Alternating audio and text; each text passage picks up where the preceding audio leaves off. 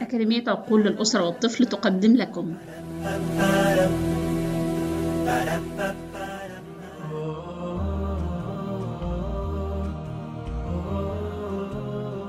النصيحة 16 أن تحضنه كلما تيسر ذلك وتشعره بالحب وتقبله وتخبره بأنها تحبه.